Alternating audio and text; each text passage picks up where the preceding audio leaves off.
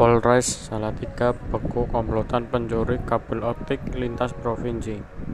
Salatiga Kompas.com Komplotan pencuri kabel optik dan tembaga yang beraksi lintas provinsi berhasil dibekukan anggota Satuan Reskrim Polres Salatiga.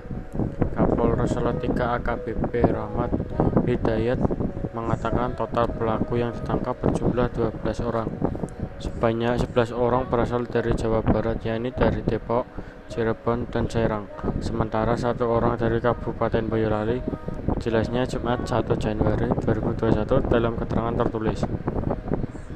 Nama tersangka pencurian tersebut adalah Nur Taman, Muin Nahrawi Firman.